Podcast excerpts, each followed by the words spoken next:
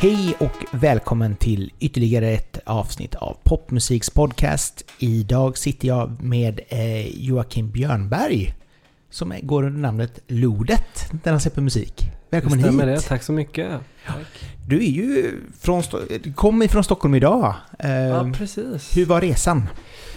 Nej, den var väldigt trevlig faktiskt. Det var så här fin gryning. Jag tog bilen från Nacka där jag bor och parkerade i stan. För just nu har vi två bilar i familjen, vilket vi inte kommer ha så småningom. Men vi liksom ska göra oss av med den ena. Så, men på grund av det så kunde jag så här bara ta bilen in och åka liksom motorvägen och det var soluppgång nästan. Så det var eh, jättefint. Och tomt. Och tomt, inga köer. Aldrig hänt tror jag. Om man, det man får vara uppe så här. Jag var, kan ha varit halv sex på morgonen kanske jag åkte Mm. iväg. Ja, det var okej faktiskt. Du kanske är en sån här morgonmänniska som... Alltså sen man har fått barn så har det ju varit att man eh, går och lägger sig i 9-10. Så man är ju relativt, alltså jag är rätt van vid att gå upp. Om inget Sex. annat så blir man kanske så här väckt och man är tvungen. Ja, fick lyxen att faktiskt sova i ett eget rum. I, eller i, i, mitt, i, i vår dotters rum. Hon har liksom en säng som det händer att vi lägger oss där ibland. Aha! För att få lite extra energi om det är något viktigt för någon av oss Ja, ja. dagen efter. Så nej, men jag lyckades faktiskt eh, sova fem timmar kanske. Och det känns eh, mer än bra. Skönt. Ja, Ja men det, det behövs liksom så här. Och framförallt också just det här att man kan som sagt bara vila på, på tåget. ja exakt. Jag hade liksom slutna ögon nästan hela resan. Så jag föll aldrig in i sömn men eh, man kände ändå att det var vila och man återhämtade sig. Så att det, det var skönt. Ja, det kan jag tänka mig. Nice. Du är som sagt var just nu aktuell med eh, debutalbum My Bonnie. Mhm. Vi kan börja med titeln. Alltså Ja. det är ändå en låt. Varför valde du just den titeln till albumet också? Eh, kanske för att jag inte hade något bättre i första läget. Men sen så fick den ju en betydelse ju mer jag tänkte på den. Och den kändes mer självklar längs med tiden också. Att jag gör en liksom hint till eh, mitt ursprung på något sätt. Alltså den musiken som jag... Där musiken börjar för mig. Om man ska redan gå in på det. Men till exempel Beatles och så vidare. Det var ju en Ja. av deras första låtar som de gjorde en cover på till exempel. Tror det. Jag är inte helt säker. Nej, men det- bland bland de första i alla fall. Ja, eller liksom eh, i deras repertoar fanns den och i någon eh, dokumentär jag såg när jag var eh, yngre förekom den och den har alltid funnits hos mig som en sån här gammal klassiker. Från det här 60-tals, tidigt 60-tal. Det är ju därifrån jag hämtar eh, mycket av min inspiration.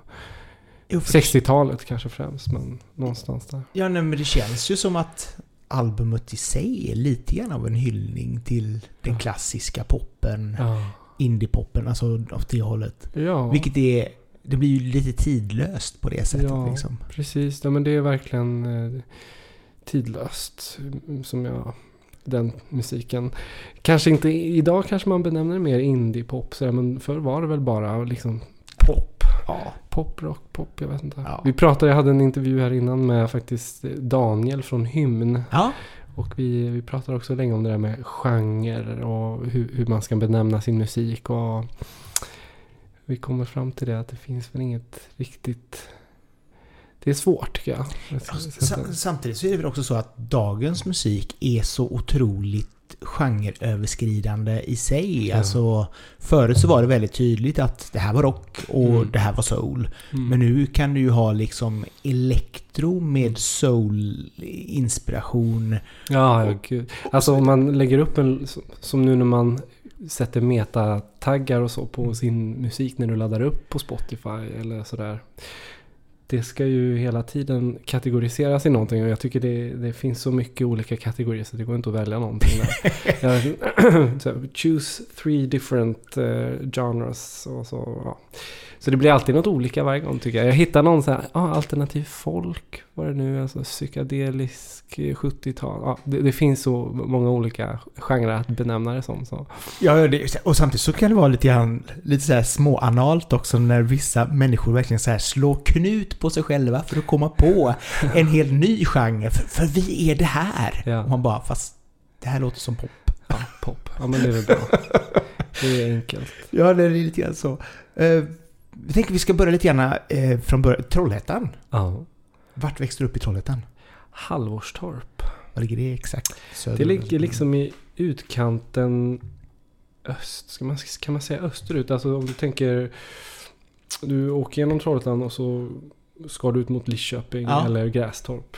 Det är liksom det sista byggprojektet åt är det östra hållet? Jag vet inte, jag är osäker nu. Men eh, så det är liksom, vi har åkrar bara sen. Så det är det här lilla bostadsområdet, eh, Halvorstorp och sen så är det inget. Det byggdes liksom inget ytterligare efter det. Nej, okay. Det känns som att det är en i utkanten av stan verkligen. Ja, det blir det ju då. Mm. Uh, för det är en väldigt mysig stad. Hur är den som, som musikstad?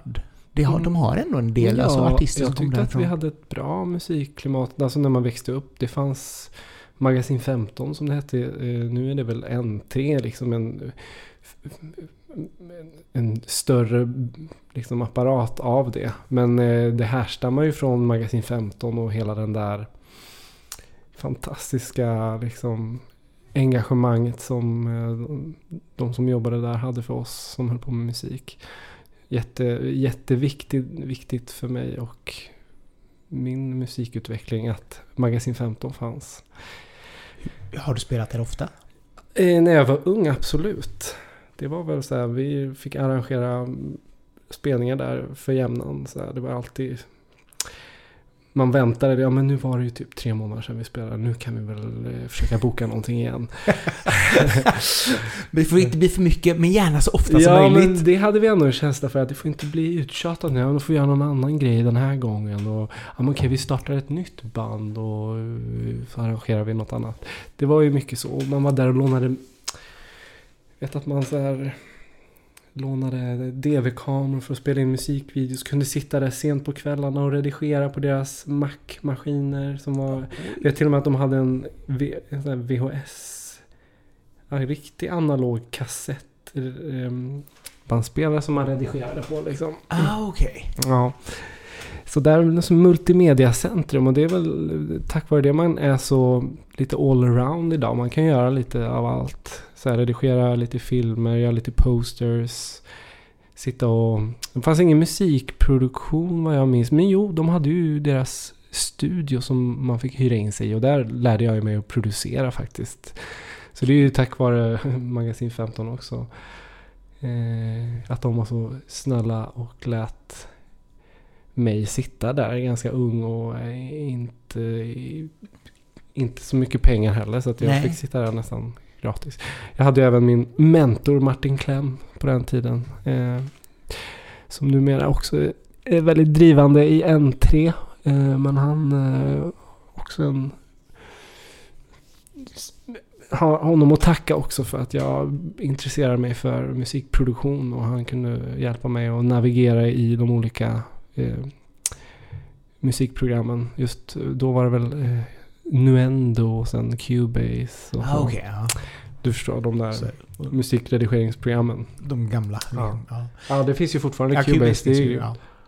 Men, men hur, hur, första gången du skrev musik själv, när började det liksom? Ja men det var i, ungefär i samma veva där, 12-13 år kanske. Ja. Musik direkt. Den här natt, ja det var en rikstäckande musiktävling. Ja just det. Ja. Som gick i olika, först var det väl lokalt och sen mm. ytterligare en och sen ytterligare en. Och sen till slut var det alla i hela Sverige som tävlade om första platsen. Så långt kom jag aldrig men det var ju, då var ju ett måste att du, eller det var ju till din fördel att du skrev egna låtar. eh, om man ville komma längre. Jag vet att första året vi var med, då var vi nog 12 år. Då spelade vi, då spelade vi nog covers, ja det gjorde vi. Och sen nästa år då hade, då hade jag lyckats, ja men vi måste skriva en egen låt. Så då tog jag på mig det ansvaret och, och skrev en låt. Cool. Vad blev det? Hur, hur blev resultatet? Ja, liksom? nej men helt okej tror jag. Inge, inge, nej gud, när man lyssnar på de där gamla inspelningarna, inte så att man... Ja, jag har väldigt svårt att gå tillbaks och lyssna och höra något, något, något som var särskilt bra på den tiden. Det finns, det finns ju någon, alltid någonting man kan hitta som är okej. liksom. Ja. Men, Ja, men samtidigt så här, man ska ju alltid börja någonstans. Och Ja. någonstans är man ju ändå stolt över det man gjorde då. absolut, att man gjorde någonting och hade driv att göra någonting. Det kan jag vara väldigt stolt över. Att eh, det fanns en, en låga hela tiden. Att vi måste ju skapa Mm. och sådär. Och det fanns möjligheten till det. Ja, och, och det känns ju som någonting som kanske få förunnat idag. Det här att man faktiskt har inom kommunen möjlighet att kunna skapa då utan att lägga ner, som i i det här fallet då, för mycket pengar själv för Mm. att eh, sitta i studio till exempel. Sånt är ju jätteviktigt. Ja. Man har lite grann förlorat det känns det som. Ja, jag vet ju inte eftersom jag inte är i... Jag vet ju hur mycket vi också Studiefrämjandet kunde ju hjälpte oss väldigt tidigt. Så här, att det var ju... Det fanns hela tiden någon som vägledde oss i... Jaha, nu har ni blivit lite äldre. Nu är ni sugna på att åka och spela någon annanstans. Ja, absolut. Så ordnade Studiefrämjandet någon spelning i Stockholm och sådär. Så det var ju... Man, man blev ju indoktrin, alltså man blev invalsad i hela det här systemet som finns. Och man hjälper varandra, Studiefrämjandet och de olika spelställena. Jättefint ändå. Liksom, grund, grunden är fantastisk Ja, liksom. Och f- sen fanns det ju något här i Göteborg som jag försöker minnas vad det hette. Kult... Kultur... Jag kommer inte ihåg vad det Ja. hette. Men de hjälpte oss jättemycket också. Ja, Mm. okej. Så det var också en del spelningar och sånt även här nere liksom? Ja, Mm. visst. Absolut. Ja, nej, men det är alltså alla, alla sätt att få in Mm. nytt blod i, Mm. i musikbranschen är ju Men du, du upplever att det har försvunnit lite? Just den här, det känns som att just den här, alltså...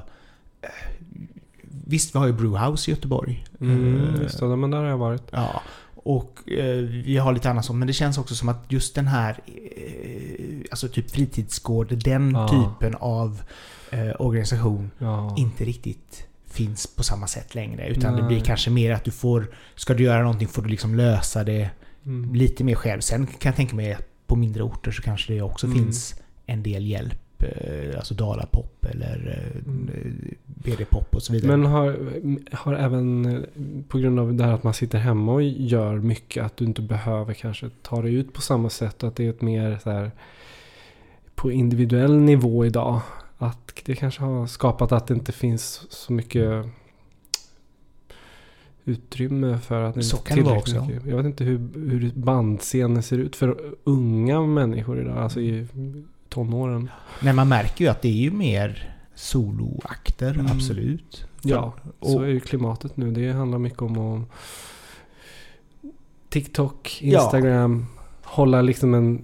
Det där är ju det som är konsten idag. Något som man själv bara oj, det här känns jätte modernt och svårt ibland att kunna vara, kunna vara sådär ett, ett eh, liksom influens, influensa Ja.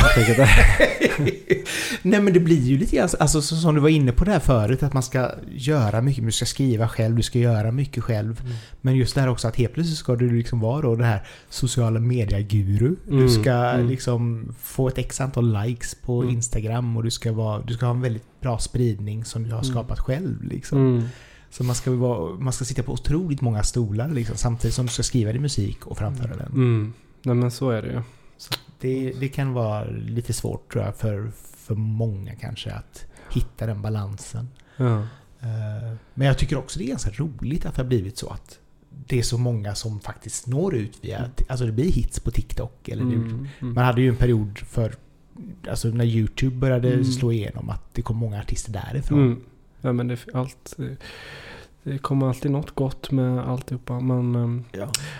Ja, men jag är nog väldigt så, jag skulle helst eh, uppsäga mig det ansvaret. Att ta hand om de, de sociala bitarna eh, som det känns nu i alla fall. Möjligt att när man får, om man får ett gediget following som faktiskt bryr sig om din musik. Men du vet när man ligger på så här 300-400 följare som mestadels är ens vänner typ i nuläget. Det är Mm. klart att det finns lite fans. Men, det är, men jag tänker man, har man ett större following då tror jag man är mer benägen också om att in, influera dem Ja. med det man gör till exempel. Ja, och du får ju en helt annan, en helt annan dynamik kanske också. Att, Mm. Alltså nu blir det ju liksom, ja men det är min kompis Mm. Kalle som svarar. Mm. Men sen kanske det blir, åh det blir Charles Mm, från mm. Storbritannien som säger någonting. Och det Mm. betyder någonting helt annat. liksom. Men, men jag tycker redan att jag är alldeles för beroende av min telefon. Så jag vill bara låta bli att ha den. Jag vill, jag vill bara låta någon annan sköta det. Ja, ja.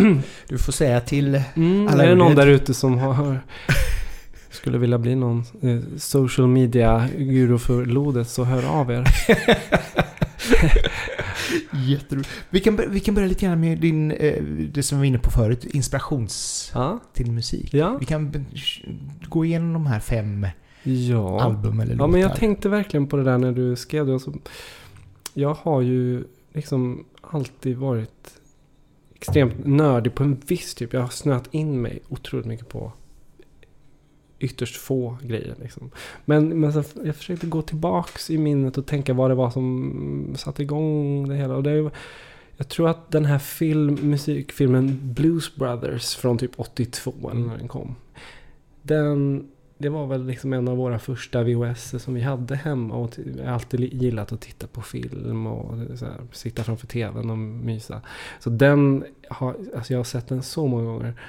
Och jag tror att mycket, mycket började där. Eh, en viss typ av gren som växte ut därifrån med hela den här Stax Records. Eh, vilket så Booker T and the MGs, Aretha Franklin, alla. De liksom, jag fick en kompott där av jättebra, en jättebra start. Mm. Sen var det bara att liksom börja forska lite kring dessa och vad det ledde till och så. Eh, Så där, jag skulle säga att den filmen var nog i, i min tidigt alltså innan jag ens kanske spelade själv. Så 5, 6, 7, 8 år. Mm. Det var en liksom min musikfilm. Kul! Och just det här att den också hittade, alltså det är ju det som jag tycker är ganska roligt med just soundtrack. Att det blir liksom en sån här greatest hits, fast kanske då en, med en låt från en artist. Mm. Och så kan man helt plötsligt upptäcka nya artister Ja. på det sättet. Ja men så var det verkligen där. Där fick jag ju... Ja men bluesen och min pappa har ju alltid spelat i bluesband. Vilket har alltid försett mig med så här, Amerikansk blues har jag alltid spelat hemma. Och alltså, det har ju verkligen inspirerat mig också. Men... Eh, men min första egna skiva så där var ju faktiskt Hanson. Middle of Nowhere. Mm. Precis, det var... Eh, det var liksom redan då lite så här, jag, jag kunde inte riktigt stå för det. Jag kände av det redan då, att, men ingen annan av mina killkompisar gillade det här. Det var, det var antingen så här Backstreet Boys eller någon annan av de här pojkbanden. Men just Hanson, för mig var det liksom också, nu när jag lyssnade på det och jag har inte lyssnat på den skivan så man, man minns ju gärna eh, uh, Mbap, en, som jag kanske aldrig var, det var väl inte min favorit kanske men det finns ju en röd tråd där i deras musik till soulen och det, det, det spelas live. Man hör att de spelar live och de är instrumentalister allihopa.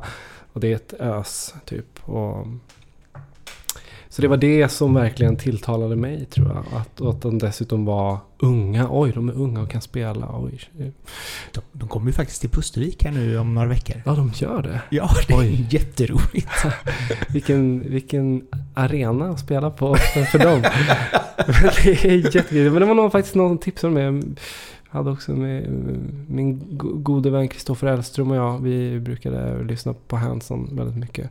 Jag tror att han skrev du, de kommer till Pustervik. Vi borde gå dit. Vilket datum? Jag kommer inte ihåg, men det är no, mitten av juni har jag för mig. Ah, alltså, okej. eh, Så det är, inte, det är ganska Ja. snart. Så... eh, Ja, hade det varit eh, en, en annan tid i mitt liv kanske det hade varit mer aktuellt. Men jag tror att jag, ja, det är kul att de är ute och spelar. Det är kul att de håller på fortfarande. Ja. Så att... eh, De, de har klippt sig och skaffat jobb. Som Ja, har de det? Nej, det kom ju några bilder liksom så här, så här ser de ut idag. Då har Ja. några av dem i alla fall klippt, klippt Ja, sig. ja, Det var ja. inte lika det där långhåriga som man förknippar med dem. Liksom. Så det är lite roligt. Blues Brothers och soundtracket av Han, Hanson. Ja. Hansson. Och sen, sen var det mycket musikdokumentärer. Jag vet Ja. att eh, Musikbyrån som gick på SVT på den tiden var ju liksom mitt favoritprogram. Mm. Och där bandade jag alltid alla dokumentärer och sen, eller om det var en livekonsert till exempel, och så bara såg om och om igen hela på, på veckorna. Till exempel Bob Marleys Catch a Fire som eh, jag tror det var det här klassiska Classic Albums. Ja, just det. Ja. Kommer du ihåg det? Ja, ja. Med den här vignetten som och så. Jättebra dokumentär tycker jag. Jag tycker de eh, håller fortfarande idag. Alltså, hög standard. Den var också väldigt... mm, Den inspirerades jag jättemycket av. Det här kl- Jam- Jamaica-klimatet och hettan. Mm. Eh, svettigt. Eh, där vill jag vara i studion. Du vet de där studiobilderna från Jamaica och... Eh, och eh, sen var ju just det albumet var ju också... Det var ju när de skulle bli kommersiella. De, det var ju två brittiska producenter som for till eh, Kingston och nu ska vi få er att funka i, i hela världen också. Så det var ju... Man fick ju även det här med hur man går in och ändrar om och producerar för att få någonting att... Lite så producentrollen var ju jätteintressant tyckte jag i, i, i det där också.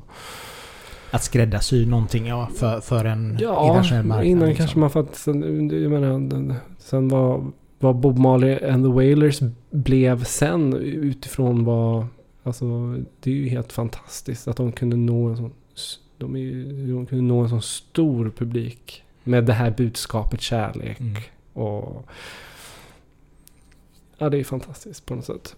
Trots att man gör någonting kommersiellt Ja, för, för att kunna göra någonting lönsamt. Men på något sätt tycker jag Fast att det var... det är väl också någonstans viktigt också. Jag menar om ingen hör din röst så är det ju ingen som, som hör den. Alltså, Nej. det är Nej, men ju så visst. enkelt. Och hålla en fin balansgång där med nå- något som känns äkta och fortfarande jätte... Ja, bra. Ett bra samarbete Mm. uppenbarligen. Jag såg ju, jag vet inte om du är så mycket för The Bee Gees. Mm, absolut. Men de har ju, eh, Frank Marshall gjorde ju en, en, en dokumentär. ja. Nej, det var kanske Robert Zemeckis. Jag kommer inte ihåg. Men i alla fall eh, om, om The Bee Gees som, som släpptes bara för något år sedan. ja, just det. Fantastisk. Oj, den ska jag se då. Finns på, på iTunes. Men just det här om man gillar både deras musik men också den historien, liksom hela Ja. discoeran och hur den någonstans fick en backlash liksom och alla bara Mm. hatade disco Mm, mm. för att det blev för mycket. Och just det här att man, den här balansgången liksom mellan att vara kommersiell men ändå vara lite indie. Ja, det kan man ju verkligen...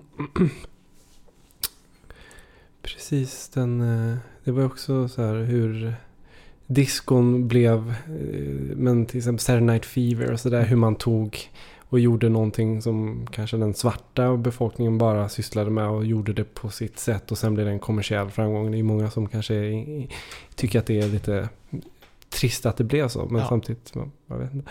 Ehm, men... eh, Så den kan i alla fall rekommenderas. Ja, stort, men, men efter Bob, Bob Marley och musikbörsen-dokumentärerna. Ja, där fanns ju jättemycket men...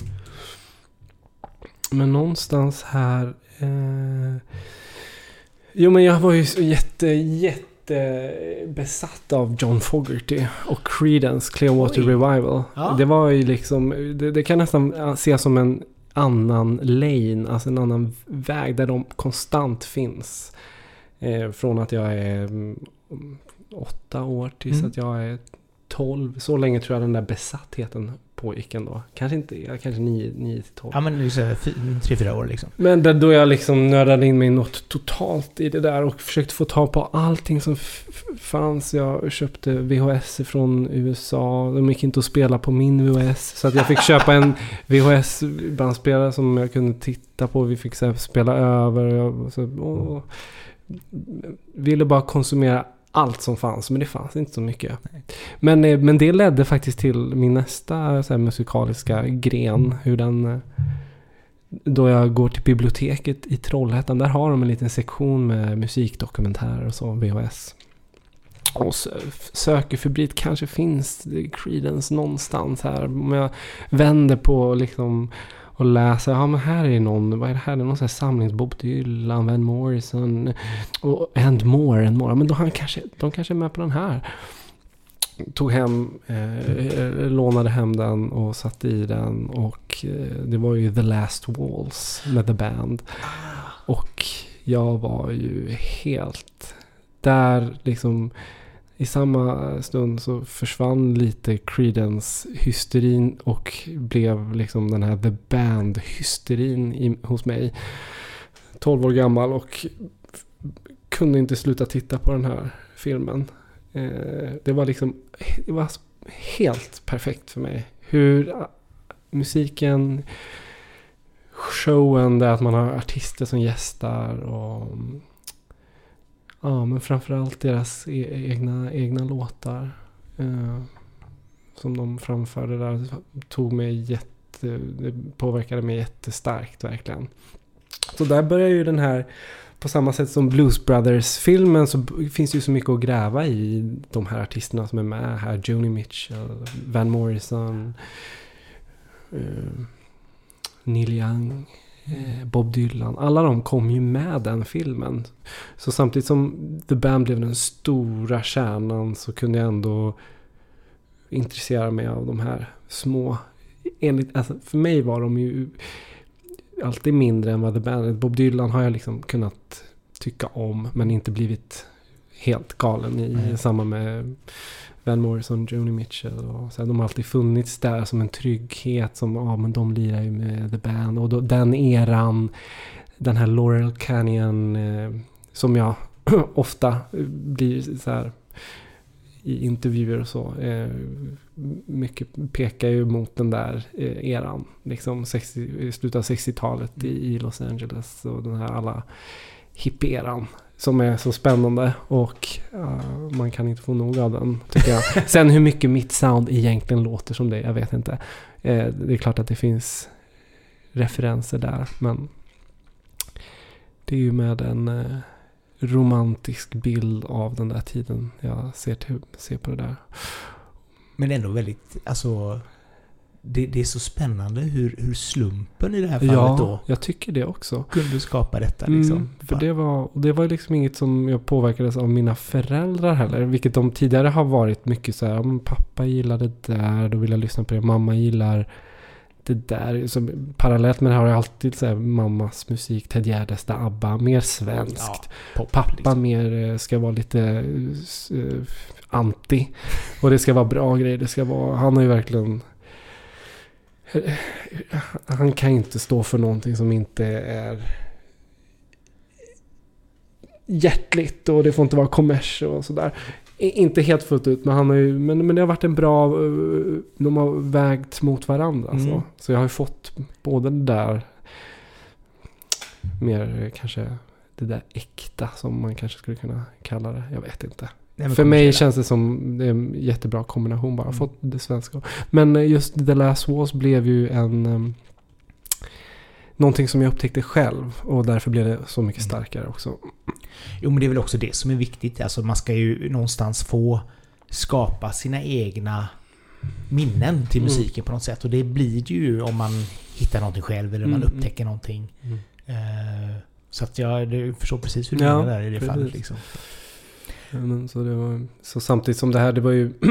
jag var ju inte så intresserad av att upptäcka en alltså, samtida musik. Nej, Det var- det var... Så medan kompisarna lyssnade på allt som kanske spelades nu eller vad som uppkom under den här tiden. Ja. Hela hiphopen som blev lite mer välkomnande för eh, gemene man och sådär. Det där var ju något som jag aldrig riktigt snappade upp och inte ville ta till mig på något sätt. Men det, det var i periferin medan jag nördade in mig i det här 60-70-tals eh, eran bara. Du var inte den där Beastie Boys Nej, det var jag inte. killen liksom. Jag kan, eh, om det var något modernt, alltså som var samtida så var det väl typ Brainpool vet jag att jag hade deras två Ah. skivor. De älskade jag. Ehm, Men då är ju också ifrån den här klassiska poppen. ja, där går ju också trådar ner till Ja. 60-tals eh, britt eh, poppen, rocken 60-talet. Så att eh, absolut, jag ser sambandet där också varför jag tyckte om det. Så att det är ju liksom, det är väl, det är väl helt rätt. Liksom.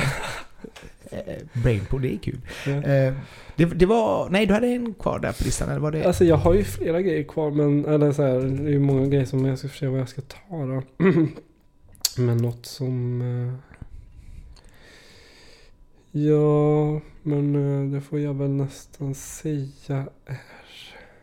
Ja men efter The Who såklart. Det var ju också en sån. Ah, ja. Men den, men den är också så här i den här lanen parallellt där liksom Creedence the Band och The Who. Ja. Nej men The, The Who, det var ju från att jag var 15 år och uppåt. Men då var jag också rätt besatt av det. Kan liksom allt. Alla album. Allt de har gjort. Allt vad Pete Townsend har gjort. Allt det, det Så det är, det är ingen idé att gå in på det ens. Men det är ett, ett nörderi utan dess like. Så att eh, på, på något sätt är det kul att ha också. Samtidigt som man missade så otroligt mycket annat. För att man valde att Nörda ner sig. och var lite rebellisk. Nej, jag tänker inte lyssna på något annat. Det här är mitt. Så det, det, det, det är lite... Ja, det har ju skapat den jag är idag såklart. Ja, jo, nej, men man får vara, vara glad åt det lilla som det heter. nej men det är ju så, alla har ju sina olika vägar och det är också det som jag tycker är intressant med de här alltså, fem valen. Att Mm. man lite gärna får upp en bild på Mm. okej, vad, vilken väg har man gått? Och det kan Mm. vara så, du kan ha liksom en, en, en, en syntpopartist som Mm. kanske nämner liksom hårdrock först för att man började där och Mm. det melodiska och så kommer det in på det elektroniska och i det här fallet då Mm. liksom det här Mm. 60-tals poprocken Mm, liksom mm, mm. och det klassiska eh, hantverket. Så jag tycker det är jätteintressant. Um, Innan vi går vidare. Eh, japanska poplåtar. Ja. Låt oss prata om det. Ja, det kan vi prata om. Hur, hur, hur hände detta? Eller hur... Att du skriver liksom låtar till den Ja. japanska Ja. musikscenen. Nej men det var väl lite som ett... Eh, också lite på... Ja det var... Jag flyttade ju från Trollhättan till Stockholm 2010 för att satsa på min låtskrivarkarriär. Jag hade liksom lite trögt liksom haft igång mitt band under många, många år i här liksom i Västra Götaland. Kanske aldrig kommit dit man hade. Så, det var aldrig liksom så bra så att det kunde liksom breaka. Utan, men jag var väldigt, jag blev väl väldigt fascinerad av det här låtskrivaren och producenten bakom. Och tänkte jag vill, jag vill pröva verkligen pröva och se hur, hur långt man kan ta det där. Mm. Så jag kom in på en musikproduktionutbildning i Stockholm som en vuxenutbildning på Kulturama med inriktning musikproduktion och låtskrivare. Eh, så att när jag hade flyttat upp dit så började man ju så här uh, vaggas in i den här kommersiella poppen och hur man ska skriva, vad man kan tänka på, vad gillar folk, hooks. Så här, uh, jättespännande, jag älskar det där. Yes, äntligen kul. Eh, och få göra liksom hits bara. Det var... Och inte långt efter jag hade flyttat upp så flyttade min bästa vän Kristoffer Eriksson upp. Eh, vi bodde i en liten, liten etta i Hornstull. Alltså Ja. verkligen, eh, vad kan det ha varit? Ja, 30 kvadratmeter. Ja. Eh, Ett litet tillhåll för oss att sitta i en dator och vi bara satt och skrev. Försökte göra nästa hit och nästa hit. Så här, göra hitlåtar helt enkelt. Parallellt med det här så växer vårt lilla projekt Never Alone fram. Där vi liksom gör en slags boyband, eh, ja ett boyband. Där vi båda är artister och, men vi ger oss, vi ger varandra ett alias. Jag blir Jay Faith Ja. och eh, Kristoffer blir Chris Hope. Eh, och då går vi in i de här rollerna på något sätt. Som, och vi gör roliga videos, lägger ut på YouTube och blir väldigt uppskattat eh, bland vänner och så vidare. Så vi, men vi kör på den där grejen samtidigt som jag går den här musikproduktionutbildningen då. Och det här får ju de nys om också. Och sen så ehm, min lärare där, Tony Malm, som faktiskt eh, tycker att ni borde ju testa att skriva J-pop. Det här är ju, japanerna kommer älska det ni gör. Eh, och, och han, Tony Malm var kontrakterad till ett förlag som då hette Scandinavian Songs. Idag heter de Cosmos Music Mm. Publishing. De har gått ihop. Och de var ju väldigt, förutom att eh, sälja och köpa mm, rättigheter till ja, olika kataloger och så. De hade, så var det även den japanska marknaden som de var väldigt tajta med. De hade goda relationer med ett stort japanskt bolag som heter Nichon. Som, eh, ski, som har ett mega eh, förlag. Både musik, film och... Men eh, just musikdelen då blev väl vi... Så ganska snabbt så... Eller vi blev i alla fall eh, inbjudna dit och fick eh, sitta med där och vara med på olika låtskrivarcamps och så här. Vi hade en liten iMac som vi studsade runt med i de olika styrelserna när det fanns plats för vi vi hade ju ingen egen studio men Nej. vi tittade ju ner i det här. Det var ju som Tin Pan Alley, du vet när man sitter i olika bås och bara skriver låtar. Man går till jobbet varje dag och så skriver man låtar. Man skriver låtar. Vi tyckte ju det var superhäftigt att man kan, oj, kan man liksom sitta här nere och bara göra musik varje dag. och så stängde man om sig med en sån här vakuumdörr nästan bara blev knäpptyst och där inne var det studiorummet som man satt och Eh, men eh, efter en tid där så blev... Då kom... Då kom... De kom till Stockholm bara för att träffa... Alltså inte bara för att träffas men det var an, angeläget att få träffa de här killarna i Never Alone. Det, det här verkar väldigt intressant tyckte japanerna. För de hade ju liksom eh, fått höra talas om oss och sett våra YouTube-videos och det, klaffade perfekt med hur en, vad en japan tycker är kul. Man, vi hade lite självdistans men det var ändå kul och det var superbra låtar, proffsigt producerat. Och så. så mm, vi hade ett möte där med dem och de direkt ville väl bara att vi skulle komma till Tokyo.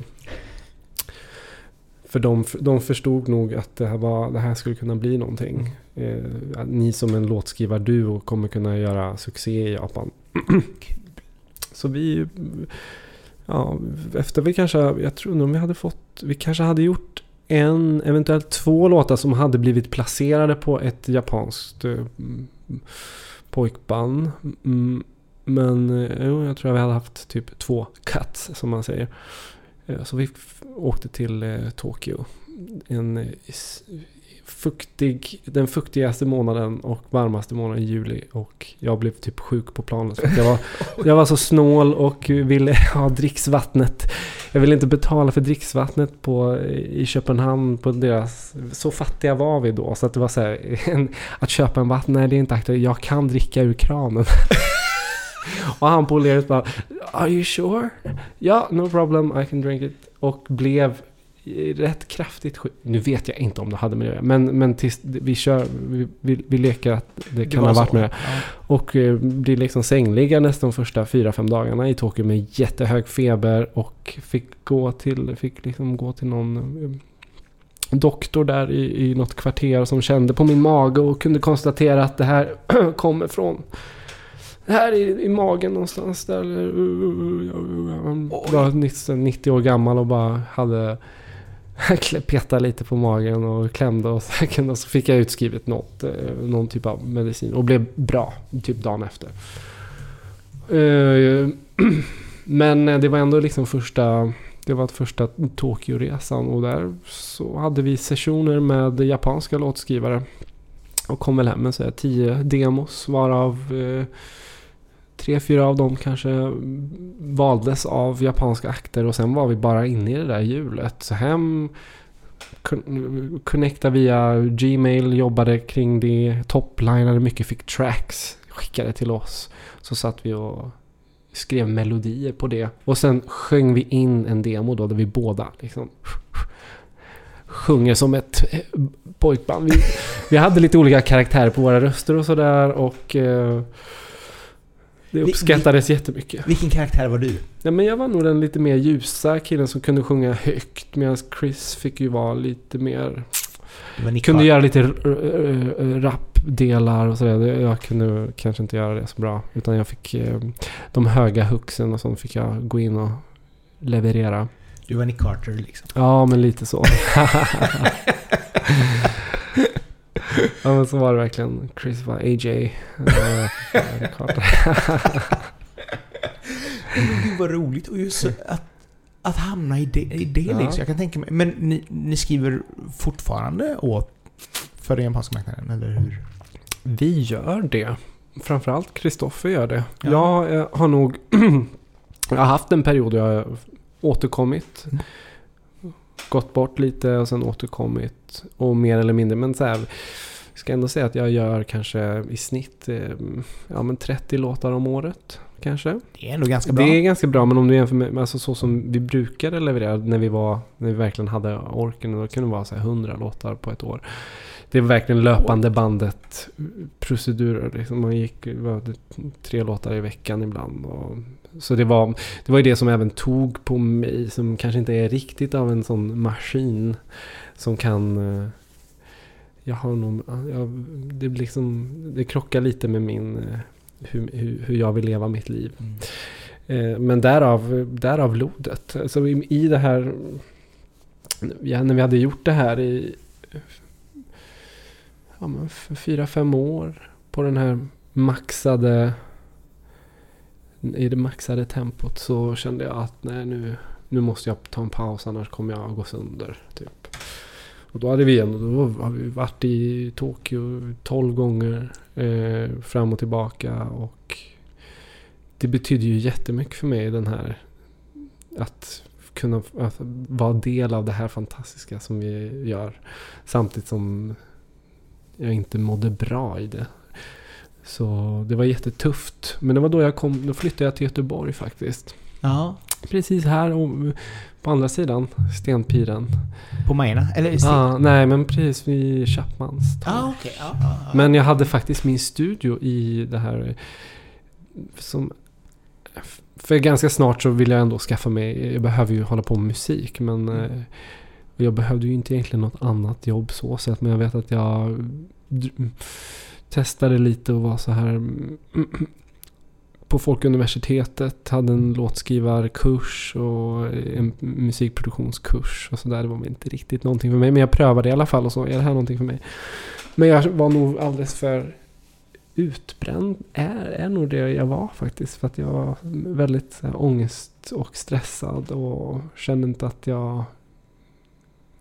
Jag behövde verkligen bara pausa. Och så kom ju lodet till också i den här... I den lugna perioden då jag inte behövde göra så mycket. Jag kunde bara gå till studion och sitta och plinka och skriva nya låtar för mig själv. Mm. Så de flesta låtarna som faktiskt är släppta med lodet är ju skrivna här i Göteborg. Skulle Ja, jag säga. Kanske inte de på den nya skivan men vissa My Bonnie är skriven här. På ja. ett piano här på andra sidan. Eh, så ja. Det är ändå så pass liksom. Så, Ja. att, så att, vad var det? Jag läste att, att just namnet kommer från en förskola. Mm, lodet ja. Ja. Mm. Ja, jag vet inte hur exakt det Det bara föll sig så naturligt när jag tänkte på det. För det har som tyngd i namnet. Och dessutom att det... Det har sån, jag tycker det har en fin färg typ. Om jag ser det framför mig, lodet. Så är det Mm. precis de vokalerna och, som jag gillar. det, är så, så det var, och att det dessutom då har anknytning till mitt, min, min, mitt barn Mm. barnet i mig uh, så är det ju jättebra tycker jag. Att det, jag kan inte komma på ett bättre namn faktiskt. Men, Men, men, men hur, hur kom du ur den här musikdepressionen? Hur kan man säga? nej, men det var nog att finna en ny... Eh, precis det lodet blev för mig. Ja. För det blev ju det här att inte ha, att bara göra kommers för någon annan och tampas i studion med, med låtar som man inte kanske genuint tycker är så bra. Eh, men man ser det som ett jobb för att jag kan det här. Man följer en formula. Och, Mm. men, det, men jag behövde en motvikt till det och lodet blev blev verkligen det stället där jag kunde gå och göra det. Och äntligen kunde jag få en kanal ut för den typen av känslor och musik som jag måste få ut. För jag är ju en, Jag har alltid varit en sån själ som måste få ut det. Så att gå de där fem åren och skriva åt någon annan, det tog ju hårt på mig tror jag. Så, det, så nu känner jag att jag har jättebalans. Jag kan göra Japan och alla möjliga saker. Som kanske inte skulle känts bra om jag inte hade lodet. Så det, jag tror lodet alltid kommer finnas med mig. Det är ett sånt livsprojekt verkligen. Ser jag det som. Men det är väl också det som är viktigt som sagt att, som du säger, liksom hitta den här balansen. Mm. Att ena stunden veta att ja, men det här gör jag för att Mm. jag behöver pengar. Mm, mm. Och det här gör jag för att jag behöver någonting i hjärtat. Mm, absolut. Och jag vet inte hur det hade blivit om det hade varit... Jag känner ju nu att nu när jag bara jobbar med lodet. Mm. Att där finns också en risk. Känner jag att när det blir för, för mycket jobb med lodet och att det ska liksom gå bra för lodet. Och nu har man så här kopplat på någon PR-byrå i Tyskland. Oj vad stort det blir nu. Eh, Samma grej där. Jag måste ha lite motvikt till det också. Så, men då kommer ju den här ja, men, suget efter att göra Japan kanske lite. Kanske jag hoppar på det efter sommaren eller något. Så att jag balanserar upp det lite. Det ska bli skönt när albumet har släppts. Det ska bli skönt att ha gjort release-gigget. Det här det är så mycket stress ändå kring sånt här tycker jag. Speciellt när man gör allting själv också. Så Ja, det ska bli jätteskönt när allt är över och jag kan börja tänka på nästa skiva istället. Ja men det är väl lite grann ett avslut för skivan är ju egentligen klar så att jag menar... ja, det, det, jo, men det har varit sådana anspänningar från Ja. när skivan är klar. Ja, och jag jag tänker på det. andra artister som faktiskt, för att det gick ju relativt fort. Även fast jag spelade in den i augusti så ska jag ändå säga att det var, tog relativt långt att färdigställa den. Men från att den var färdig till att vi släpper den, det, går ju, det, var, ju- det är ju tre månader. Men Ja. jag tänker många andra, vad jag hör, de kan ju så här, ha klart skivan eh, ja, men ett år, ett och ett halvt år innan. Alltså, det är olidligt alltså. Ja, Men å andra sidan kanske de är bättre på att hitta andra projekt samtidigt och så. Så absolut. Men eh, för min del är det bara ut med det så fort som möjligt och sen gå vidare. göra, göra något. Ja, du ska ju spela på, på som sagt var skeppet här i Göteborg den precis. första juli. Eh, och sen blir det bingo. Ah, Har jag visat dig affischen? Ja, ja eh, jag såg en på... ehm, Nej, för du, den har kommit idag. Jag tänkte jag ja, ska jag visa tänkte bara, dig. Ja, bring it. Det är, För det är liksom, Men det var, jag är rätt nöjd alltså att den äntligen kom en... Jag tyckte den blev faktiskt jättebra. Ja. En, en tjej från Stockholm som har gjort den. För du har ju haft eh, lite andra bilder för dig med bland annat banansallader. Ja! The Candle... Eh, candle Salad Ja, kallas den. Känner du till det? nej, jag bara, jag bara såg det bara så här. Det där var inte... Typ ananas, någon, någon salladsblad. Här får du bara se affischen från det som ska vara på skeppet. Åh, fint. Ser du vad jag har istället för bananerna? Bingokulan. Jättefint. Det är liksom så här lite, lite klassisk eh, 50-tals-ish eh, motiv på den. Där du är målad och står med en bricka med en bingo eh, kula på. Ja. Jättefin. Ja, med bingo och gäster. Vi, gästerna är inte riktigt satta. Vi har några, men det, det blir liksom en liten överraskning tror jag.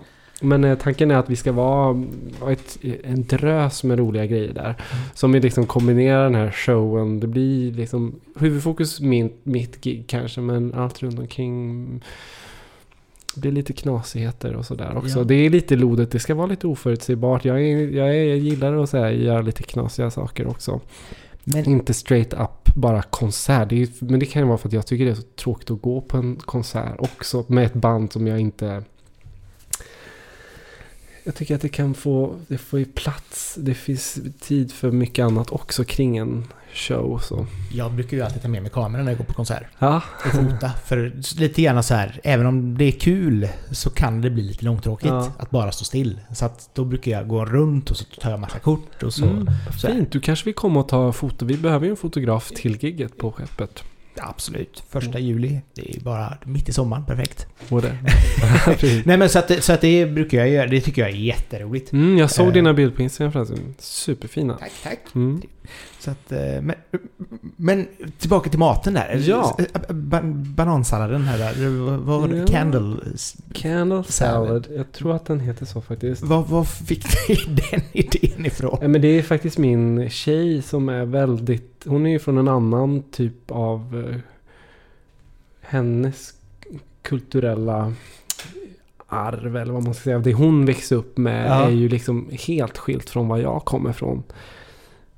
Men du, den heter inte Candle Salad. Men hon är lite mer från technoscenen i Stockholm. Är Stockholms tjej som är jätteartsy. Gillar det knasiga, konstiga, det som är konstigt. och- Hon är super, hon är fantastisk på det sättet att hon stöttar mig i det och försöker för, få mig att förstå att du kan inte gå strömmen, gör någonting som poppar eller gör något Mm. annorlunda. Våga bjuda på dig själv eller gör någonting. Så hen, eh, Andrea och hennes eh, väninna Angelica som jobbar med set design på flera reklamfilmer. Superduktig tjej. Det här, de här bilderna är tagna i hennes studio. Och eh, de fick helt fria händer att göra någonting. Och de hade väl bara snackat ihop. Men det här gör vi. Ja, men den här... Jo men här ser du. Candle salad. Ljussallad. Nu översätter jag det men. Det är en vintage fruktsallad som var populär i Amerika från 1920-talet till 1960-talet. Sallad, salladen består vanligtvis av sallad, ananas, banan, körsbär och, och antingen majonnäs eller i vissa recept keso. Den är ju, ser ju otroligt eh, inte aptitlig ut. Så jag förstår men, men det här är, och det är väl det de, bara, det här, de såg det knasiga i den här. Och att Ja. jag ska stå med den sen, jag vet inte, det finns någon sån här gay, alltså våga vara lite, eh, det finns ju så här vita män, rockkillar. Vi vill liksom väcka någonting. Ja, ja. Eh, för att bara ruska om hela den här genren som jag håller på med. Jo, men jag tycker det var lite roligt. Alltså det, det är ju så... Du är und, underkläder och... Eh, eller Ja. ka- kallingar och... Det är och, faktiskt ja. en eh, ballettkostym överdel. Ja, ah, Det ser man ah, inte, men nej. den sitter ihop med överdelen också. Så det är faktiskt en ballettkostym kan man väl säga. Coolt. Mm. Ja, vi får ta lite... Vi ska ta lite foton här sen också. Då blir det lite Ja, mer... är inte, lite mer... inte på med den idag. Nej, lite, lite, lite mer straightforward kanske. Eh, när började du arbetet? Alltså ska, nej, ska vi säga så här. På, med albumet. eh, låtarna. Finns det någon röd tråd på albumet skulle du säga?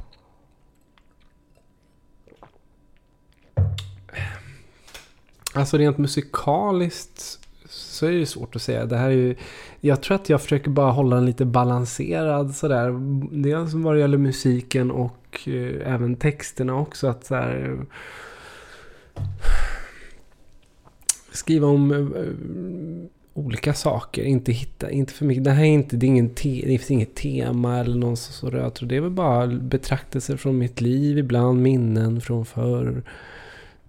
Eh, svårigheter och... Så jag skulle inte säga att det finns någon röd tråd, men att det sjunger om mitt liv helt enkelt. Är det det som oftast inspirerar när du skriver? För dig själv? Eh, ja, det skulle jag nog säga. Eh, jag tycker ju generellt att det är rätt svårt och jag kan lätt eh, fastna i just text för att jag har så höga förväntningar på mig själv eller på alla också. Att det ska, måste, det ska kännas och att det ska samtidigt låta hookigt och det ska finnas. Jag vill ha, det finns så många saker så jag ägnar jättemycket tid åt att försöka hitta ett sväng. Alltså mer att det svänger än att det möjligtvis har någon superbetydelse. Hellre en text som också inte är... Jag menar, jag är ingen, eftersom jag väljer att skriva på engelska också så är det ju så här. det är ju ett språk som jag hanterar med... Eh, inte med liksom samma kraft som någon som är engelskspråkig. Så redan där har jag ju begränsat mig i vad jag kan prata och sjunga om. Jag kan ju inte skriva, alltså, det måste bli någonting eget i de där fraseringarna eller vändningarna på ord och sådär. Och är det något som... jag försöker bara få det att svänga lite och ändå, ändå på något sätt betyda någonting. Mm. Eh, och vissa låtar är ju mer självklara än andra sådär, men vissa kan vara rätt flummiga texter där det bara låter väldigt eh, intressant det jag sjunger. Men, men att det ska få låta intressant tror jag är, är något som jag tycker att man gärna får... Det är kul och jag tycker man ska verkligen lyssna på texterna också. Så verkligen, vad sjunger han här? Liksom, och försöka få, hitta sammanhang. Jag försöker ändå hitta något slags djup på, på texterna. Att det ska finnas en annan. Upp till, upp till eh, lyssnaren såklart att tolka den. Mm. De är inte alltid glasklara. Nej, jag, jag, det, som, det som slog mig när jag lyssnade på Smile, det var ju liksom att du hade med uh, Thatcher Take My Money. Just det. Uh, och, det, och jag kan tänka mig att du kanske inte var helt eh, politiskt medveten när hon var eh, styrde i Storbritannien. Nej. Men jag tycker ändå det var intressant att du hade med den referensen. Liksom. Ja, och jag skulle nog säga att den kom nog för att ofta är det så att jag sjunger in saker och när jag har feeling så får vissa saker vara kvar och sen jobbar jag texten runt omkring det. Jag kommer inte ens ihåg om det, det där kan varit ett sånt ord som låg kvar och sen skrev jag nästa fras utifrån det och sen så ah, ja, försökte jag knyta ihop det lite så här, för viss, vissa delar, jag är så noga när jag sjunger att, så att det här måste kännas bra när jag sjunger det. Men, eh, men det blir väl någon slags blinkning till det. Men det här, den, hela den låten är ju hela tiden vändningar på så här, ja, nej, ja, nej, fri, inte fri mm. och så vidare. Äh, skitsam. Ja, och sådär. Ja. Det, det motsatser hela tiden. Så att det, men den... Eh, Ja, exakt. Eh, så att det och, och framförallt så kändes det också lite grann som att det är ju ändå väldigt mycket den här den brittiska poppen på 80-talet var ju väldigt mycket anti-Thatcher. Mm, mm, eh. Och det var lite grann det, den kopplingen som jag fick mm. av det. Den, det ska sjungas lite punkigt också. Ja. Och det är väl det jag vill fram... Eh, precis. Och hon blev väl någon symbol bara för eh, makthavare eller liksom... Det där gardet eh, på högerkanten som ja. jag vill bara eh, sparka på. är du politiskt engagerad? Alltså... Nej, men eh, det är väl klart. Jag har väl, jag har väl mitt hjärta alltid till vänster. Men sen eh, har jag liksom med tiden och med mognad kunnat se helheten också. Att det finns det finns gott på båda sidor. Men generellt skulle jag väl nog säga att... Äh, men alltså du vet... Längst ut på vänsterkanten och längst ut på högerkanten. Det är ju lika... Jag tycker det är... Jag vet inte. Jag tycker man kan... Du är den breda ja, mitten. Ja, ja, samtidigt som jag, jag vill ju att vi... Jag tycker vi bara ska gå tillbaka till... Jag tycker vi går åt fel håll rent när det kommer till allt. Så att vi bara gå bakåt, gå bakåt. Alltså så här, jag såg någon dokumentär nu på SVT om eh, vår textilhistoria. Eh, om, mm. om vår, hur vi producerade textilier och så i Sverige. Och här, vi ska vara självförsörjande på allting. Det där tycker jag är så självklart. Det är helt oförståeligt för mig hur vi är så... Hur vi kunde göra oss så beroende av import. Mm. Vi, kan vi måste ju gå tillbaks. Liksom. Se hur gjorde vi förr. Ja, alltså, Allt vad det gäller. Ja. Jag kan hålla med. Alltså, det där är intressant för det är ju väldigt den här... Eh, att, att vi inte är självförsörjande på, på basvaror längre mm. är också väldigt spännande. Mm. Just den biten att man verkligen har gått ifrån det här att man har blivit så blivit beroende då. Och hur, hur hårt slag det blir nu när då till exempel kriget i Ukraina mm. där vi importerar väldigt mycket. Och så vidare. Så jo men det där bygger ju också på, det är ju kapitalism Ja. Men att okej okay, hur ska vi bli mer lönsamma? Det är alltid det där som ska styra.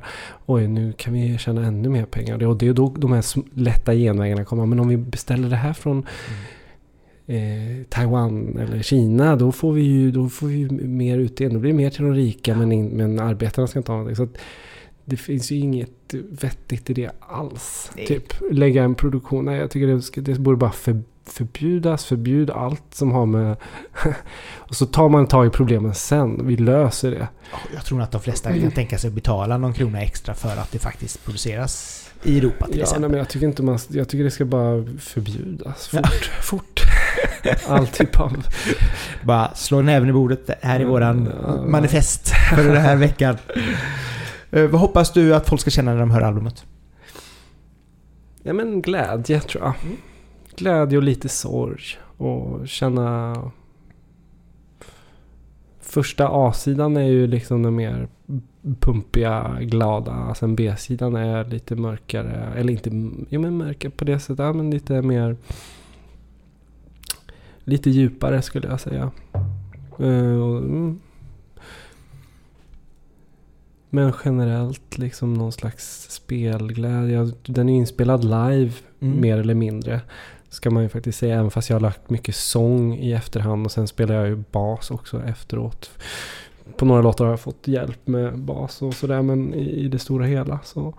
Men eh, att det här är någonting man vill se live kanske. Mm. Att det kommer göra sig bättre live än på skiva. Det tycker jag också. Att ehm, all musik, eller viss musik gör sig bättre på skiva kanske. Än, men, men just Lodet är ett liveband. Och det är det jag kommer satsa allt på. För att jag vill, jag vill kommunicera med en publik. Då är då jag är som bäst. Och det är då som jag tycker Lodet är som bäst också.